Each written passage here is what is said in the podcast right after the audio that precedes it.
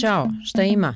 Ponedjeljak je novi tematski podcast u kojem govorimo o ljetovanju u Bosni i Hercegovini. Moje ime je Aida Đugum, pa da krenemo prvo s pitanjem. Da li znate da sedmotnevni godišnji odmor nije mogla priuštiti gotovo polovina ispitanika država Zapadnog Balkana? Jeste zabrinjavajuće, ali ljetovanje u zemlju u kojoj živiš ne treba izbjegavati. Šta o tome misle građani? Nisam ljetovala ove godine i ne bih ovdje ljetovala. Zašto? Pa eto, jednostavno, mislim da ponude koje imaju da su previše skupe u odnosu na region. Ljetova u BiH nisam, a, ali zašto da ne?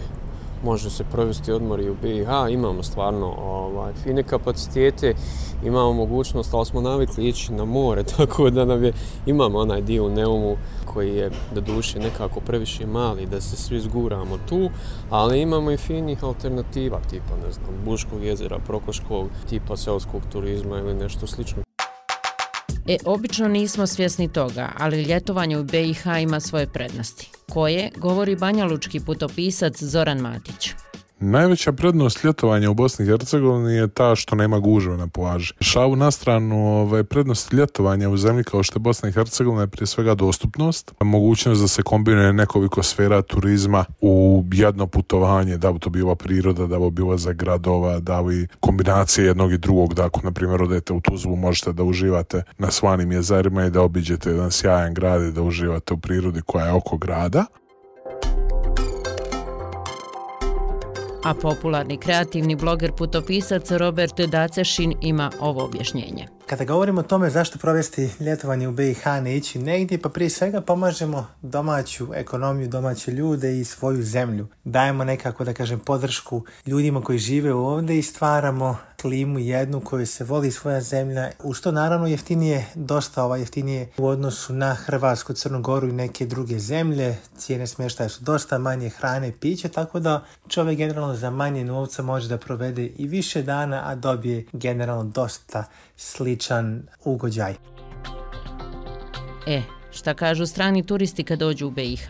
Milan iz Kanade nedavno je posjetio Mostar.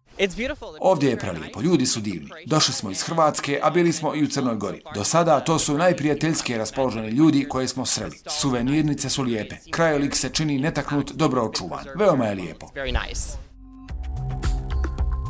I ne misli samo to Milan, stanovnik Otave, jer statistički gledano trenutno se dešava turistički boom BiH. To kaže zamjenik direktora turističke zajednice Hercegovačko-Neretvanskog kantona Semir Temim. Svjedoci smo još nekih prethodnih godina da uvijek bilo priča da smo mi na neki način prolazna turistička destinacija, međutim to je daleko od, od istine i od onoga što vidimo na terenu i naravno što govore statistika i same brojke. U ukupno ostvarenom broju noćenja učešće domaćih turista u junu bilo je 33%, dok je 67% bilo učešće stranih turista. Temim kaže da se već sada vidi da će ova godina po broju posjeta biti rekordna. Očekujem i dalje navalu u našu kantonu Bosnu i Hercegovinu i siguran sam da će brojke nadmašti sve ovo što je do sada bilo.